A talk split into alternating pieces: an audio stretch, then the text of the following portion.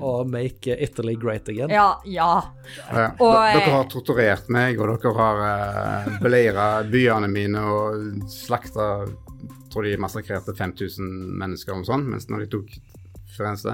Men bare men dere kan redde Italia. Liksom. Altså, bare jeg det- får jobb hos dere. Sånn. Ja, og alle de tingene er jo greit så lenge man får makt til slutt. Det er jo, det er jo liksom det som er moralen, da. Skal fyrsten sikre sin stats enhet og borgernes samhold, må han ikke være redd for å bli betraktet som grusom. Hva Putin eh, har gått glipp av her når han har lest Machiavelli i eh, kapittel 12, tror jeg det var, Uh, tror jeg han ikke har fått med seg. Ja, den vil være provoserende. Men ikke nødvendigvis for de grunnene vi tror. Jeg hadde knapt begynt å lese den før jeg forsto at selv om den er skrevet på et menneskelig språk, så er det likevel djevelen som her fører pennen. Dette skrev den engelske erkebiskopen Reinald Pole midt på 1500-tallet. Han hadde lest den boka som vi skal snakke om i dag, nemlig 'Fyrsten' av Niccolo Machiavelli. Velkommen, Sofie og Håkon. Takk. Takk. Um, I denne sesongen av uh, Sølvbergets uh, klassikerpodkast så snakker vi om klassikere innenfor sakprosa, altså fagbøker, ikke noe som er oppdikta. Uh, har dere blitt uh, ødelagt og forderva av å lese 'Fyrsten' av Niccolo Machiavelli, Sofie? Uh, nei, faktisk så er det sånn Jeg leste den i, i går kveld. Eh, leste jeg liksom slutten, og jeg, eh, jeg må ærlig innrømme at av og til så sovna jeg litt, og så leste jeg litt, og så sovna jeg litt. Men jeg sov utrolig godt. Jeg har ofte Jeg drømmer ofte veldig mye, men det var liksom ingen voldelige drømmer, ingen, ingen krig i hodet mitt, så overraskende nok, nei. Men du drømte ikke om å, å å bli kongen av Hundvåg, eller noe sånt? Nei. Nei, dronningen av Hundvåg. Det hadde vært gøy, da, men jeg gjorde ikke, altså. Håkon? Har du blitt påvirka av å lese 'Fyrsten'? Nei, det tror jeg har gått bra. Um, jeg har klart å holde det litt på avstand mens jeg har lest det, tenker jeg. Eh, Det er noen, eh, noen hundre år siden den ble skrevet. Ja. Eh, Så han var litt Det ble litt sånn ble en litt annen virkelighet som ble beskrevet der enn min egen. Så Ja, for, for gi oss bakgrunnen her, Håkon. Den av oss med desidert flest vekttall innenfor det vi snakker om nå. denne boka ble skrevet på 1500-tallet. Hvordan så Europa og, og verden ut? Ja, Vi kan først begynne med Italia. da. Eh, Nico, eh, Machiavelli han var jo fra Firenze, en bystat i Italia. Som, Italia eksisterte jo som ikke som et land da, men det var fem ja, flere bystater da, som eh, ble styrt Fyrster, litt overdriva litt, tror jeg. Laga litt fint. Det var mer krigsherrer, egentlig, som styrte disse ulike statene i, i Italia. Ja, for da må vi ha klart for oss at Italia, det som vi i dag tenker på som Italia, det fantes ikke på den tida. Uh, som en idé så fantes det, i hvert fall hos Nico Machiavelli. Uh, men uh, ikke fysisk, nei. Ikke, Eller ikke, en, ikke, ikke, ikke- nasjonalstaten Nei, Italia. ikke, ikke administrativt, på ingen måte. Men hadde det fantes før? Siden, siden Machiavelli hadde det som en idé, var Nei, du hadde jo Romerriket, da, Ja. som hang over der, som uh, Machiavelli jo da skulle skrive mye om seinere. eh, som var idealet, egentlig, for Machiavelli, da. Uh, Det må sikkert være ekstra bittert å ikke være et eget land, når liksom fortidens spøkelse er Romerriket. Ja. Ok, Hvordan har vi vært fra å dominere verden til å ha hele Europas armeer trampende rundt på i Posletter og i, i dalene våre? Hva, hva skjedde? ja. Jeg, òg hadde blitt litt frustrert hvis det var den arven jeg hadde hatt. eh, ja, for ikke var det bare disse forskjellige krigsherrene som herja i Italia. De var jo mye eller de hadde jo stor påvirkning av de stormaktene da, i nabolandet Ferdinand av Aragon, eller det som er Spania. Hadde stor innflytelse på hva som skjedde i Italia.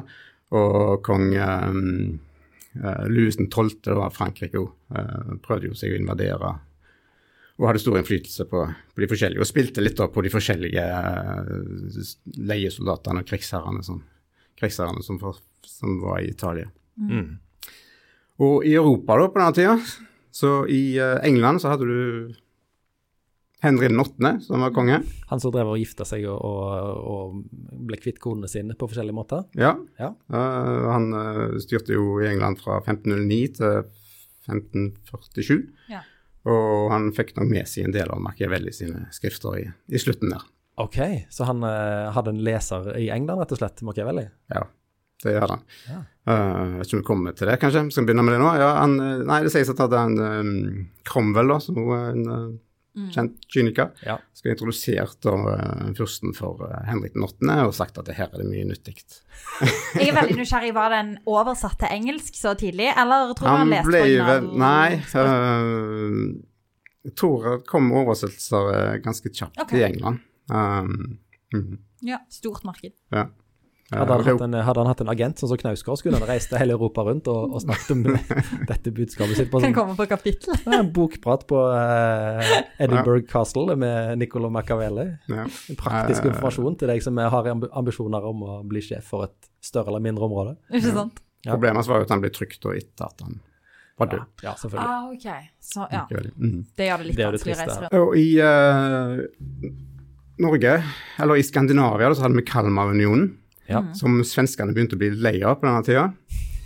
Uh, og hadde gjort et opprør, uh, men kong Kristian fra Danmark, kong Kristian 2., slo ned dette opprøret da, og uh, inngikk en avtale med dem og skulle kron, krones da på, på nytt i, uh, i Stockholm. Eh, og det var da innledningen til det som kalles for Stockholms blodbad i 1920. Og Ja, 1520. 1520, ja. Ja. ja. Heldigvis. Ja, det hadde vært det. Ja. Uh, og mer makiavellisk enn det tror jeg ikke du har sett noe i Skandinavia, i hvert fall ikke etter vikingtida.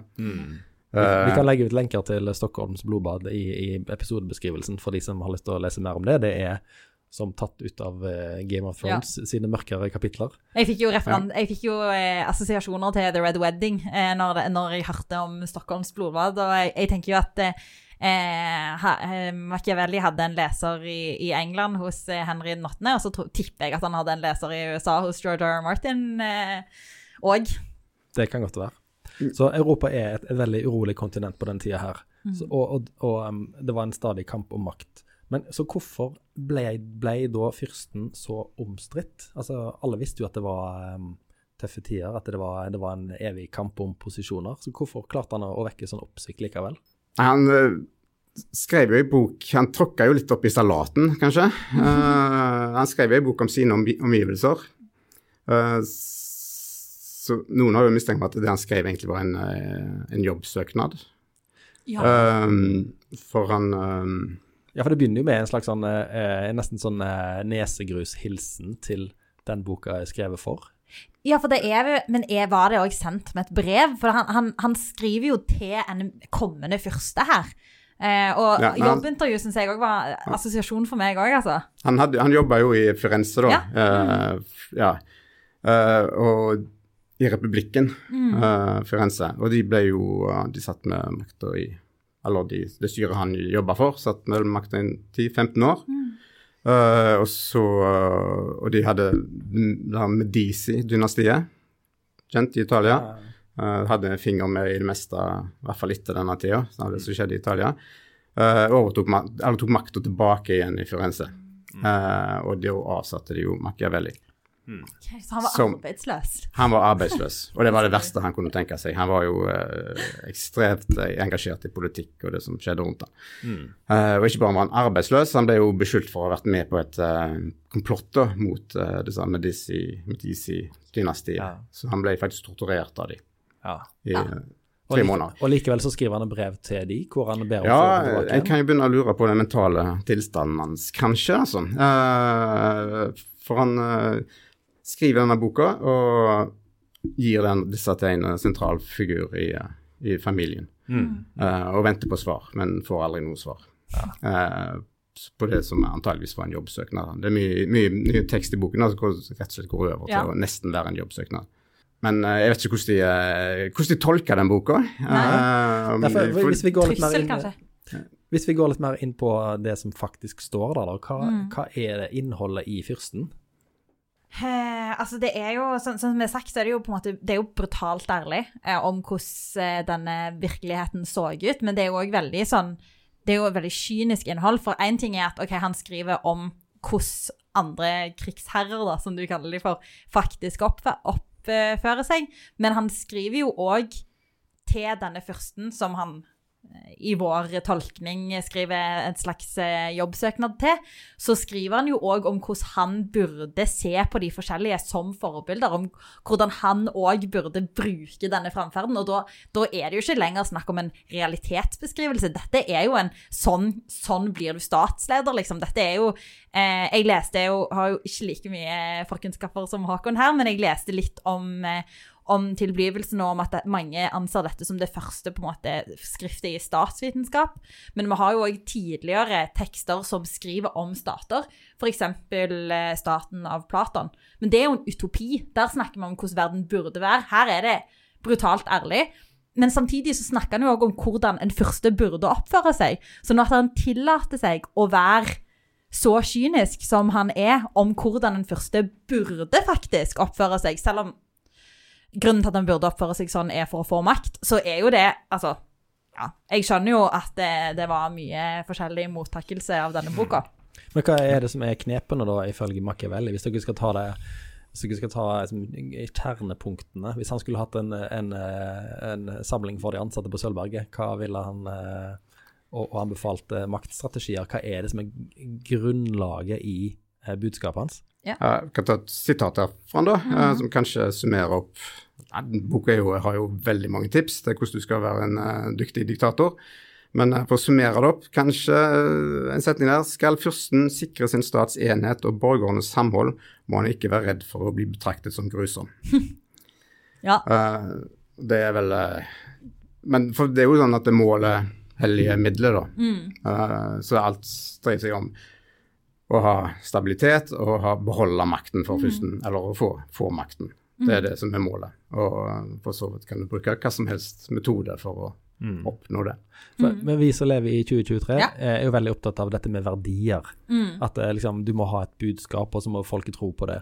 det. Akkurat en sånn dimensjon finner jeg veldig lite spor av for 500 år siden. Det, han, det virker for meg som han ser mer på verden som en slags sånn sjakkbrett. Ja. Og at alle, ingen har noen større ønsker eller viljer. Det handler bare om sånn naken makt.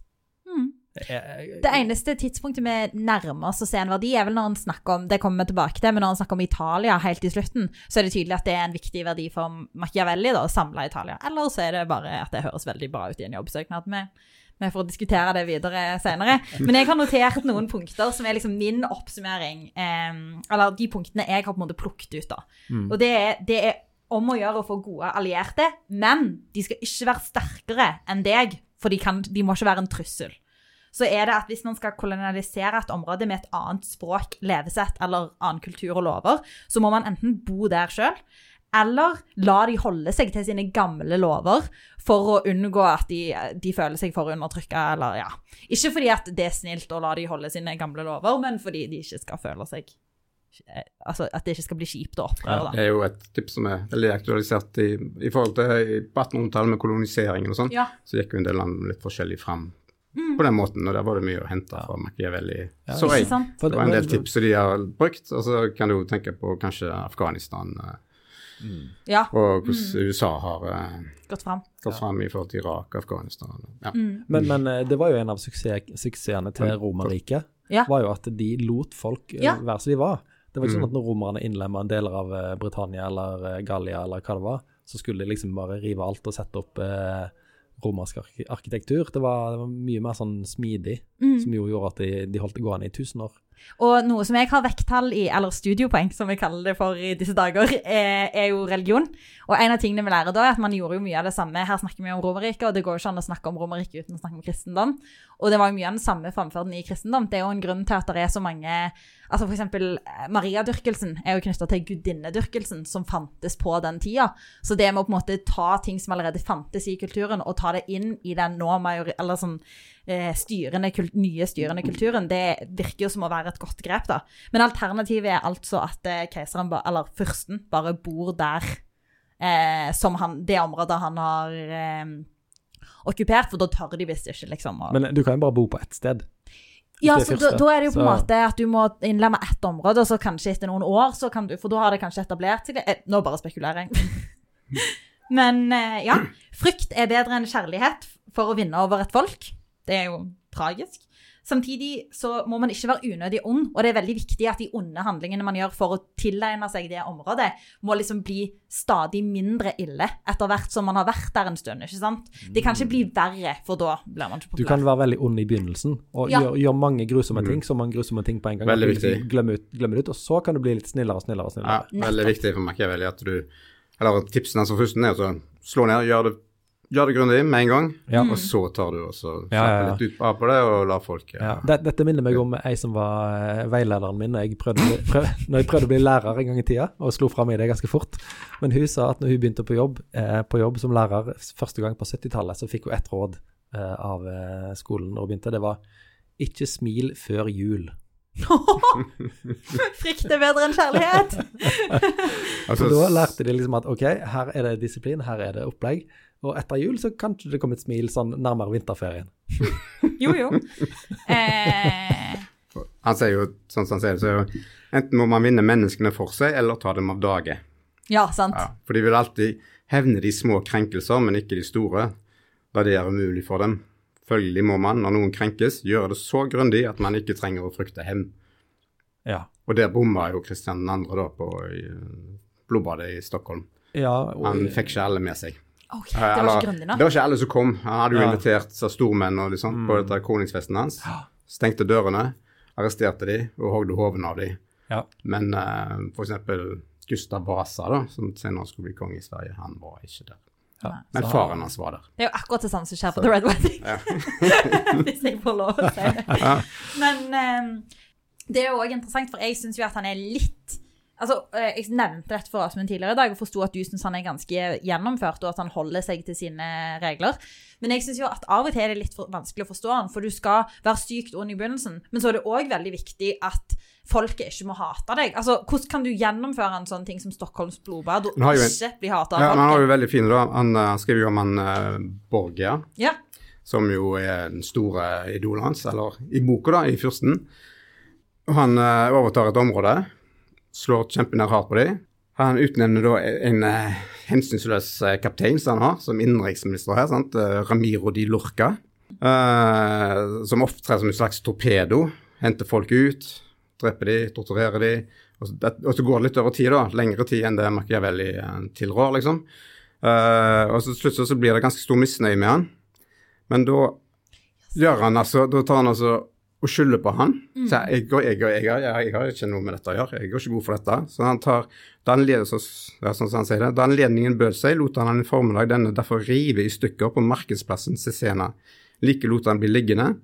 I lang tid var befolkningen både tilfredsstilt og lamslått av denne grusomme forestillingen. Sant? Ja. Så han fikk skyldt på noen andre, Ja, da. så han fikk både skyld på noen andre, og samtidig som han nøt godt av at denne torpedoen hans hadde rydda ganske godt i bedet, Mm. eh, før han da ble dratt i stykker på torget, sånn som jo kanskje.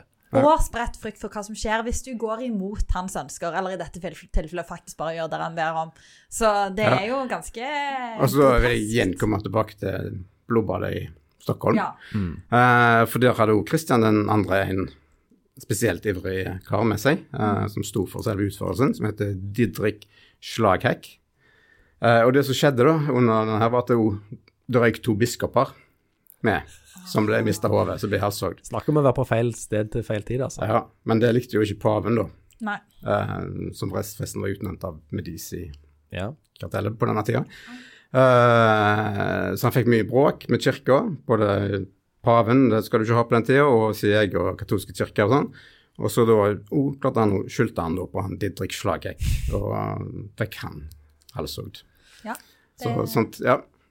Så skulle jo tro at Kristian 2. hadde lest uh, Fyrsten, nesten. Ja. Men det tviler jeg på, altså. Enten så Eh, kan han en italiensk Ja, en eh, piratkopi i 1520. Nei, Kanskje, ikke helt. Kom til til København.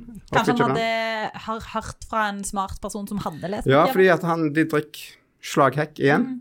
han hadde faktisk jobba for paven i eh, Roma, da. Så kan det være at han eh, Ja. hadde med seg noe Men eh, ja, det blir spekulasjoner. Lite trolig. Ja. Ja.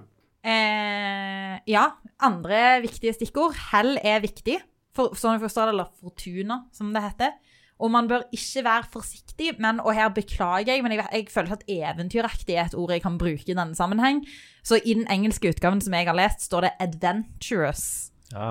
Eh, altså evne å endre taktikken med tidene. For hvis man er, fast, hvis man er fastsatt i at eh, Og dette er jo et godt eksempel på hvorfor å være for lovlydig kan være vanskelig. For hvis man er for opptatt av å følge loven som, som fyrste, så vil man sikkert på et tidspunkt ende i et område der man ikke kan følge loven eller må miste makten, og da er det om å gjøre å endre taktikker, ikke sant? Smidighet. Nettopp. Ja, det er godt. Ja, ja. eh, Det er det der eh, gamle ordtaket med 'hvis du ikke liker prinsippene mine, så har jeg noen andre'. Ja, sant. Eller snu kappen etter vinden. Ja da. eh, Ja, jeg snakker jo om det å snu kappen etter vinden. Mm. ja, ja. Det var noe jeg må gjøre. Og så jeg likte godt det bildet med eh, fyrsten må være både som en eh, løve og en rev. Ja. Du skal være helt vill og sterk, Ja. og du skal alltid ha masse utganger. ja Du skal alltid aldri bli fanga i et hjørne, du skal kunne smette unna hvis det skjer Mm. et eller annet. Jeg, eh, jeg syns det var veldig fint å få en oppsummering av det bildet, for jeg kjente at jeg datt litt ut akkurat da. Og var sånn, hva, hva er det han mener? Hva gjør løven, hva gjør reven her? Eh, og jeg leste jo, vi, vi har jo nå funnet ut at Åsmund leste en veldig en god oversettelse på norsk, som, som var, i alle fall i forhold til den engelske litt arkaiske teksten jeg hadde funnet, ganske eh, lettlest. Eh, så, så det kan vi jo òg nevne, eller kanskje linke Ja, ja. til, at Jeg, det, eh, en, til et tips om hvilken oversettelse man Ja, jeg leste ei av, eh, med forord av han eh, norske filosofen Trond Berg Eriksen, er det vel? mm. Veldig lettlest og skikkelig bra å sette alt i en sammenheng. Eh, han, han nevner f.eks. I, i forordet ei bok som jeg ikke har hørt om, men som jeg har søkt opp, som heter The Machiavellian Guide to Tennis, eller noe sånt, siden jeg er ekstremt opptatt av Ja, jeg tennis. synes sånn. Mm. Og hvis du skal følge de rådene, jeg har googla den boka, som gis om å spille tennis sånn som Machiavelli ville gjort det, så kommer ingen noen gang til ville spille tennis med deg igjen. Okay. Det, det er så lite kameratslig måte å gjøre det på at det er av, av hensyn til lytternes mentale helse skal jeg ikke gjengi de punktene der, men det er sånn derre det, det er 100% unfair play er Ja. det som gjelder for Det- å uh, vinne kamper med den metoden hans. Og det kommer vel ikke som en overraskelse for noen. Nei, Nei. nei, det er sant. Men eh, det bringer meg jo til det siste punktet, da. Eh, for eh, som sagt så leste jo jeg en litt sånn eh, vanskelig utgave eh, som brukte et ord som jeg forbinder med engelsk grammatikk, auxiliary, eh, auxiliaries, og jeg skjønte ikke hva, eh, hva det hadde med dette å gjøre.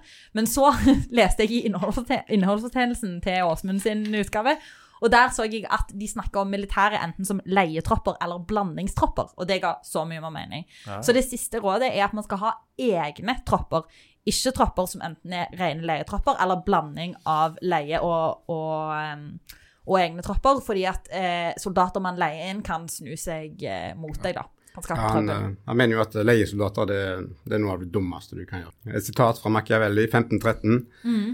Uh, deres kommandanter er enten dyktige i faget sitt eller helt udugelige.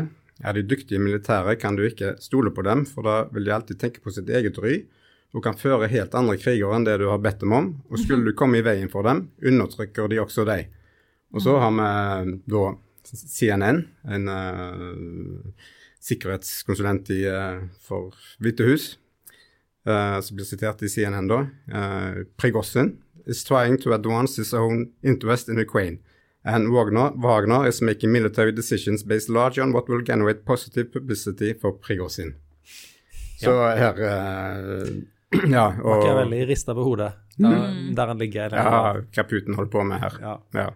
Wagner is becoming a rival power center to the Russian military and other Russian ministries. Hva Putin eh, har gått glipp av her når han har lest Machiavelli i eh, kapittel 12, tror jeg det var, Uh, tror jeg han ikke har fått med seg. Kanskje han leste den samme oversettelsen som jeg leste, som hadde litt Ja, sånn han vanskelig ikke dette her, da. Jeg husker George W. Bush når han var i Det hvite hus. Så skrøt han, skrøt han jo av at han ikke leste aviser, men han fikk liksom hovedpunktene gjengitt av sine medarbeidere. Så hvis Putin leser eh, fyrsten, fyrsten på samme måte, så har de ikke bare skippa det med leiesoldater. De har ikke fortalt om det. De har bare fortalt om det som eh, styrker budskapet. Ja. Eller vi får se hva han gjør. For Vi må se om han tar som, samme som Hieronymus eh, fra Syrakus, eh, sånn 2000 år, 200 år før Kristus, ifølge Machiavelli igjen. Han fant ut at leiesoldater var litt lite, så, så til lite nytte at han verken kunne beholde dem eller å la dem gå sin vei. Derfor så lot han dem hakke i småbiter. Ja, Mm. Det er jo en alternativ. ja, det er jo alltid sin mulighet. Men jeg må komme tilbake til dette her eh, med, når du sier dette med hakke i småbiter. Det var jo det eh, en, en, en stund før dette. Men at, at ei bok kunne vekke sånn oppsikt eh, var det, Er det vanskelig for oss i dag å forstå at når fyrsten kom ut, så, så, så var det en slags offentlighet i Europa som var sånn at ja, alle vet at det er, alt er makt og alt er krig og alt er kynisk, men vi later som det ikke er sånn. Vi skriver heller i sånne fine vendinger om eh, eh, hvordan verden bør være. Så kommer han her og bare eh, skjærer rett gjennom all sånn sentimentalitet. Alle fine ord. Han bare går rett på eh, og skreller vekk det unødvendige. Er, er det det som gjør boka litt sånn eh, eh kontroversiell, tror dere, når han kom ut? Ja, Han ble jo bannlyst, boka. Han ble jo forbudt. Uh, særlig paven og kirka liker han jo ikke. Mm. Fordi uh, det står jo ingenting om at makten kommer fra Gud eller noe sånt her. Uh, Noen ganger så snakker han jo om steder det, ja, mm. men, uh, men, det er jo ikke Han går veldig fort over det. Mm. På denne tida her så er jo Gud involvert i det meste, da. Absolutt. Og makten kommer forover. Også i det som vel kanskje egentlig er det største verket hans, som er diskurset Levi, mm. som han skriver senere, som er jo helt annerledes enn førsten. Da skriver han om republikker og er veldig annerledes enn det han skriver her. Mm.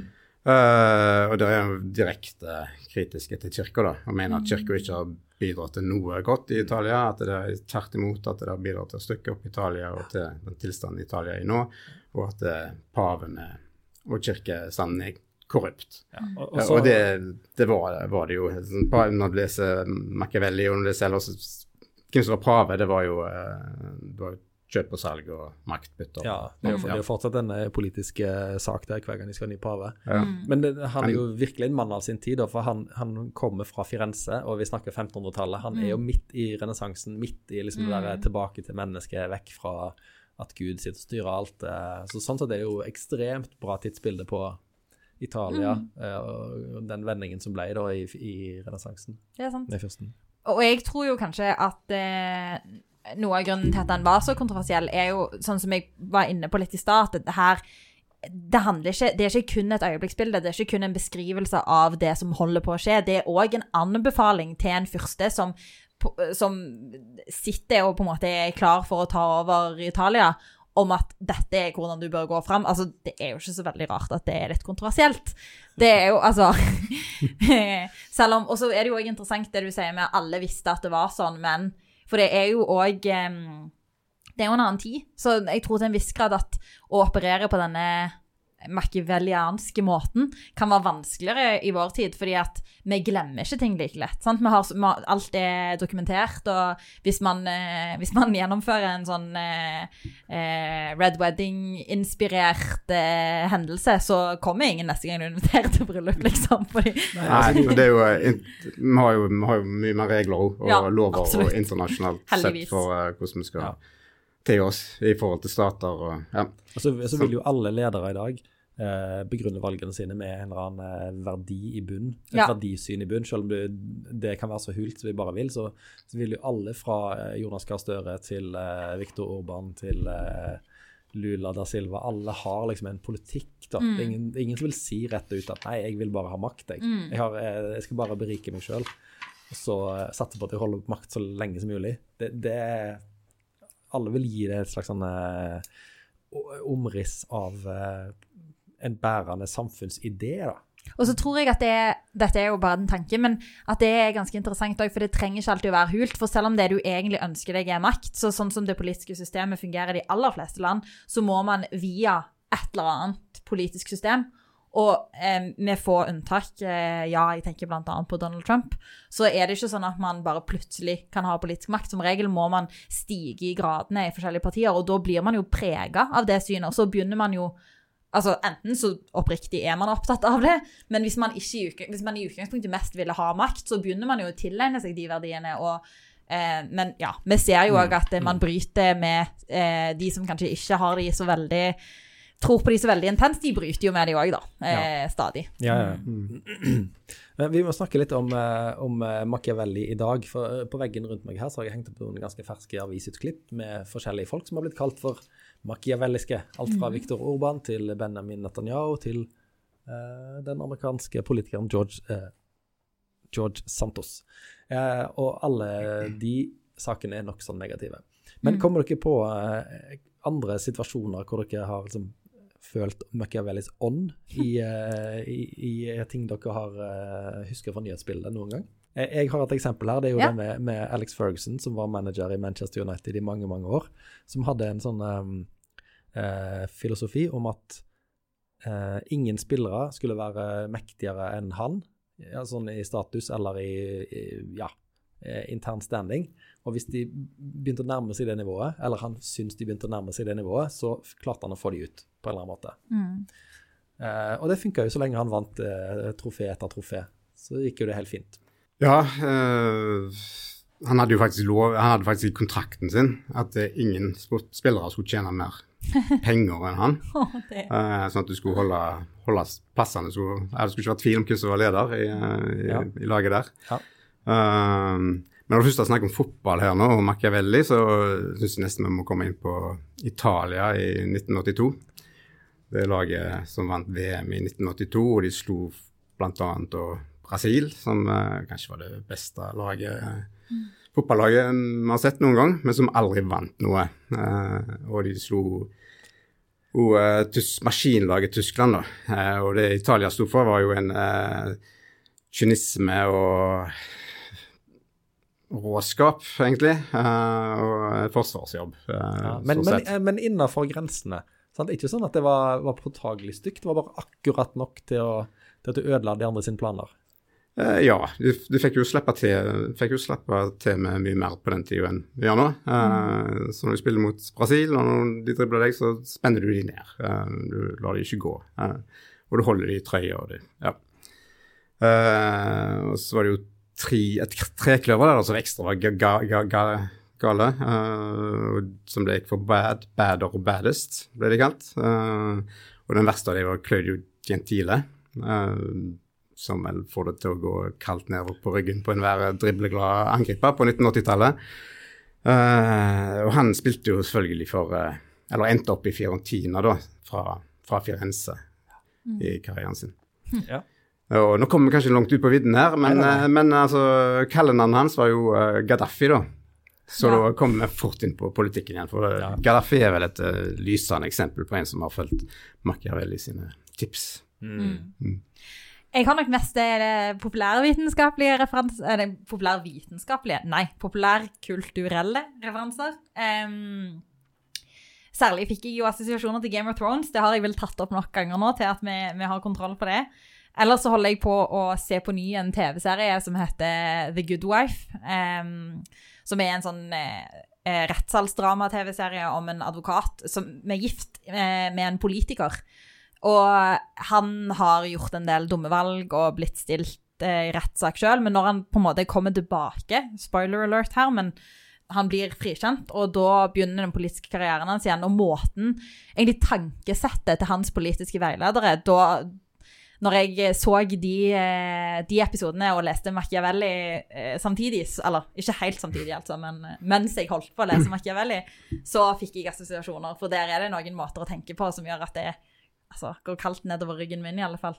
Mye, mye løgn og um, late som man er opptatt av Ja, ja. ting man ikke er opptatt av, kanskje. Ja, det er vanskelig å, Når du leser Machiavelli der, så får du jo eh, ser du for deg en del mafiafilmer en har sett, Ja. og en del uh, plott, uh, sånne ting. Så, det, ja. så jeg tror nok uh, hvis du skal lage film eller skrive manus eller skrive bøker, så kan Machiavelli være Og han var jo viktig for Shakespeare Shakespeare Shakespeare har jo masse henvisninger til Altså, en annen eh, sånn eh, populærkulturell referanse fra meg er jo denne boka, som er blitt et stort TikTok-fenomen, som er Jeg tror den er fra begynnelsen av Han er fra 2000-tallet. 2000, ja. Ja, Mm. og som allikevel slår så an nå blant ungdom i 2023, og det er altså 48 Laws of Power.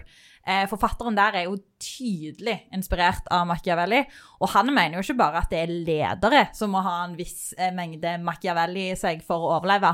Han mener jo at vi alle spiller et maktspill, og det er bare et spørsmål om du er villig til å bare la deg overkjøre, ikke delta i spillet, eller om du er villig til å spille maktspillet. ja spist eller bli spist. Nettopp. kommer vi litt tilbake til det med mennesket og reven og løver. Ja. Eh, du, menneske kan du være stort sett eh, og følge lover og ordner, men innimellom så må du kanskje ty til dyret i deg. Eller, eller helst reven, da, kanskje, men eh, helst ikke løver. Men ja. Og ideen i denne altså Grunnen, tror jeg, til en viss grad til at denne boka appellerer, er jo at det handler jo ikke om Det handler jo Altså, nå har ikke jeg Jeg har lest eh, forord og lest en del om boka, men jeg vet ikke om jeg kommer til å lese hele. Men eh, sånn som jeg forstår det, så handler det mye om å få makt og eh, være villig til å manip Eller være i stand til å påvirke folk, da. Så det er jo ikke for å overleve på en måte den vanlige hverdagen. Så det er et slags svar på ditt spørsmål om man må ha noe av dette for å, eh, for å kunne være leder. At kanskje for å nå opp til det nivået, så, så må man ha Man må kanskje være villig til å Ja. Du må, du må jo bare ha noe du tror på, og så må du Ja. få andre til å tro på det, og så må du være villig til å Ja. tråkker litt på folk på veien. ja. Ja, han, han skriver jo litt om ting som helt sånt kan høres veldig aktuelt for i dag, eh, i forhold til falske nyheter og Ja. hvordan en politiker et, i et demokrati jo kan opptre. da. Eh, han skriver, du trenger ikke holde ord, eh, men som han sier, du må vise dyktighet i det tykleri og forestillelse. Sant? Og du må alltid snu kappen etter vinden, men at det må ikke virke sånn. Og, han sier at eh, alle ser hva du ligner på, men få kan få føling med hvem du virkelig er. ja åh, det ga meg åh, en dårlig følelse, altså. For et sitat. Ja. Ok, men eh, vi, vil gå kan- i, ja, vi vil gå litt inn for landing her.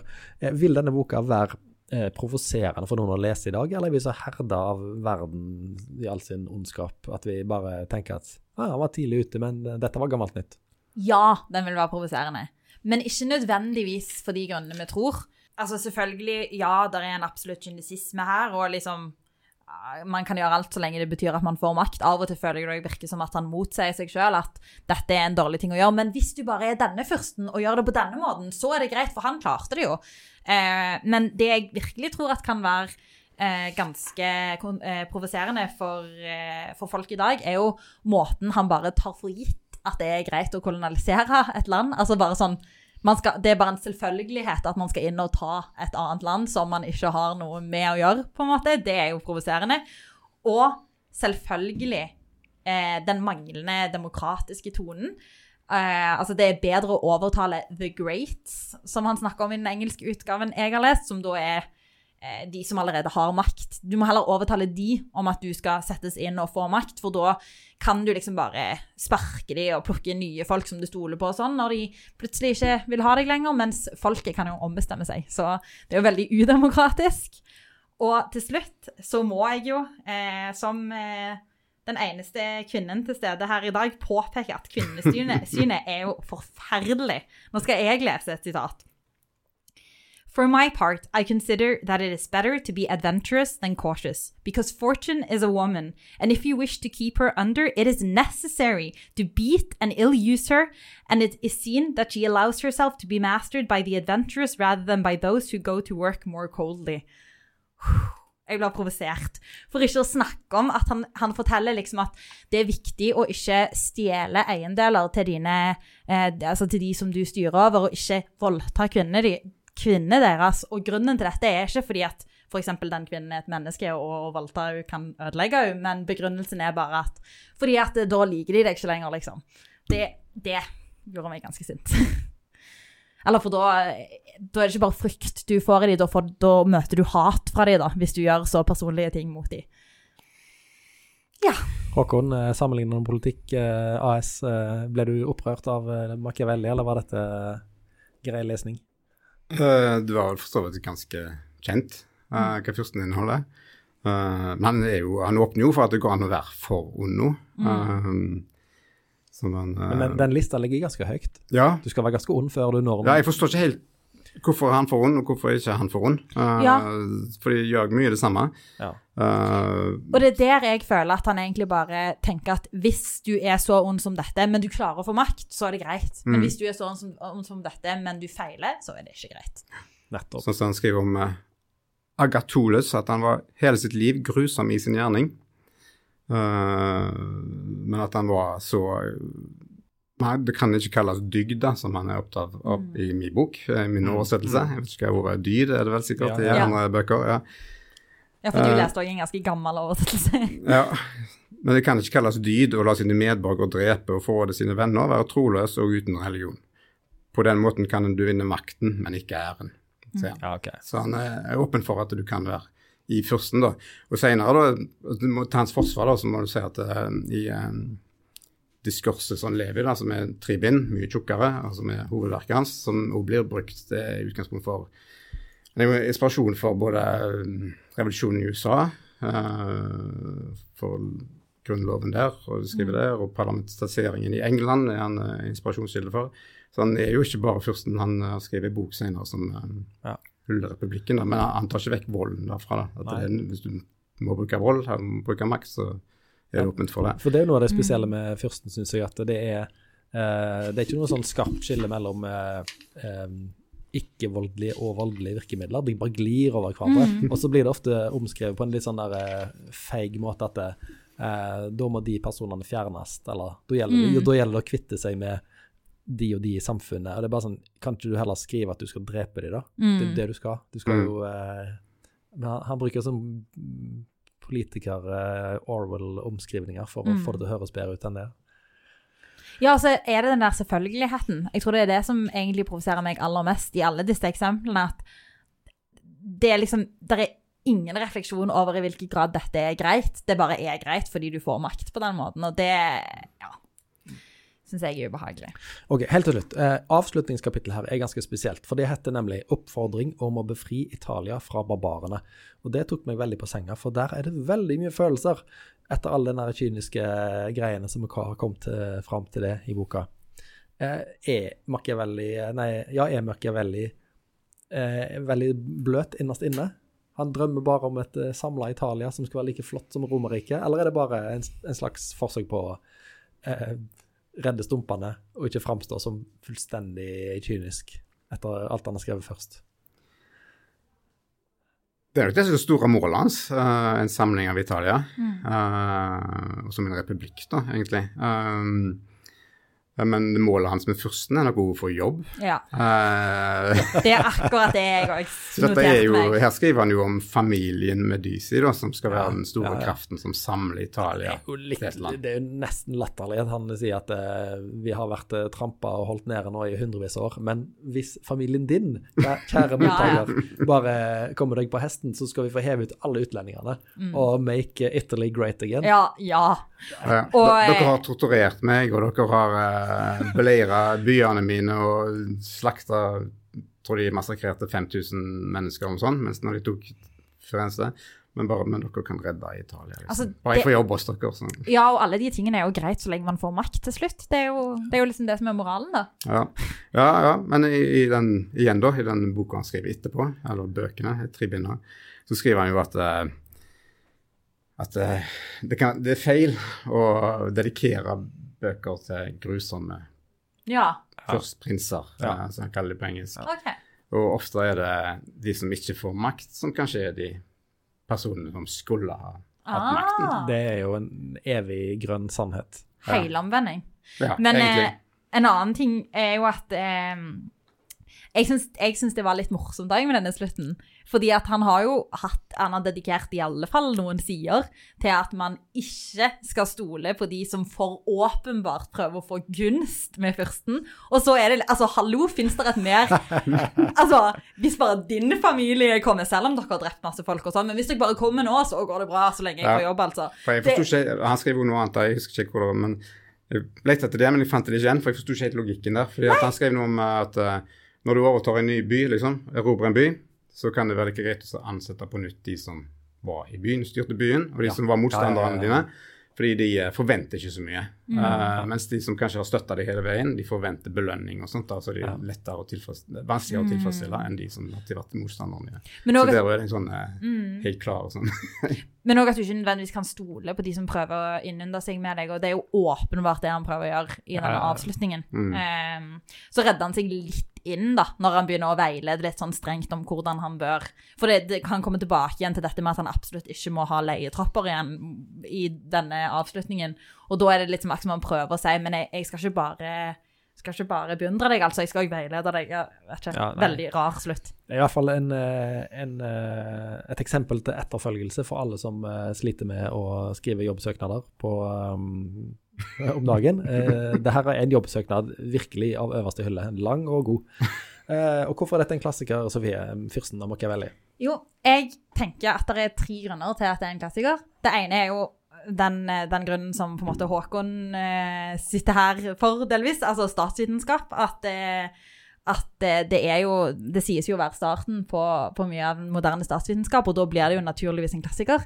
Det andre er at mennesker er interessert i makt. Sånn er det bare. Altså, vi ser jo det med populariteten til 48 Laws of Power. Det er, eh, det er aktuelt. Um, og det siste Det tror jeg òg at i alle fall på engelsk så er jo Machiavelli en del av språket. Man blir jo nysgjerrig. Eh, min favorittartist, eller en av mine favorittartister, Taylor Swift f.eks., har en relativt ny sang hvor hun synger I'm only cryptic and Machiavellian cause I care. Og, og som på en måte lytter, hvis man ikke da vet hva Machiavelli er, så blir man jo nysgjerrig. Hva sa du? I'm only cryptic. En Machiavellian because I care. Nå må det sies at Machiavellian brukes på en veldig liberal måte på engelsk, så det betyr ikke at hun Dette handler om at hun Dette er en sang om at hun eh, har, eh, har lagt en veldig strategisk plan for å få noen til å bli forelska i seg, liksom.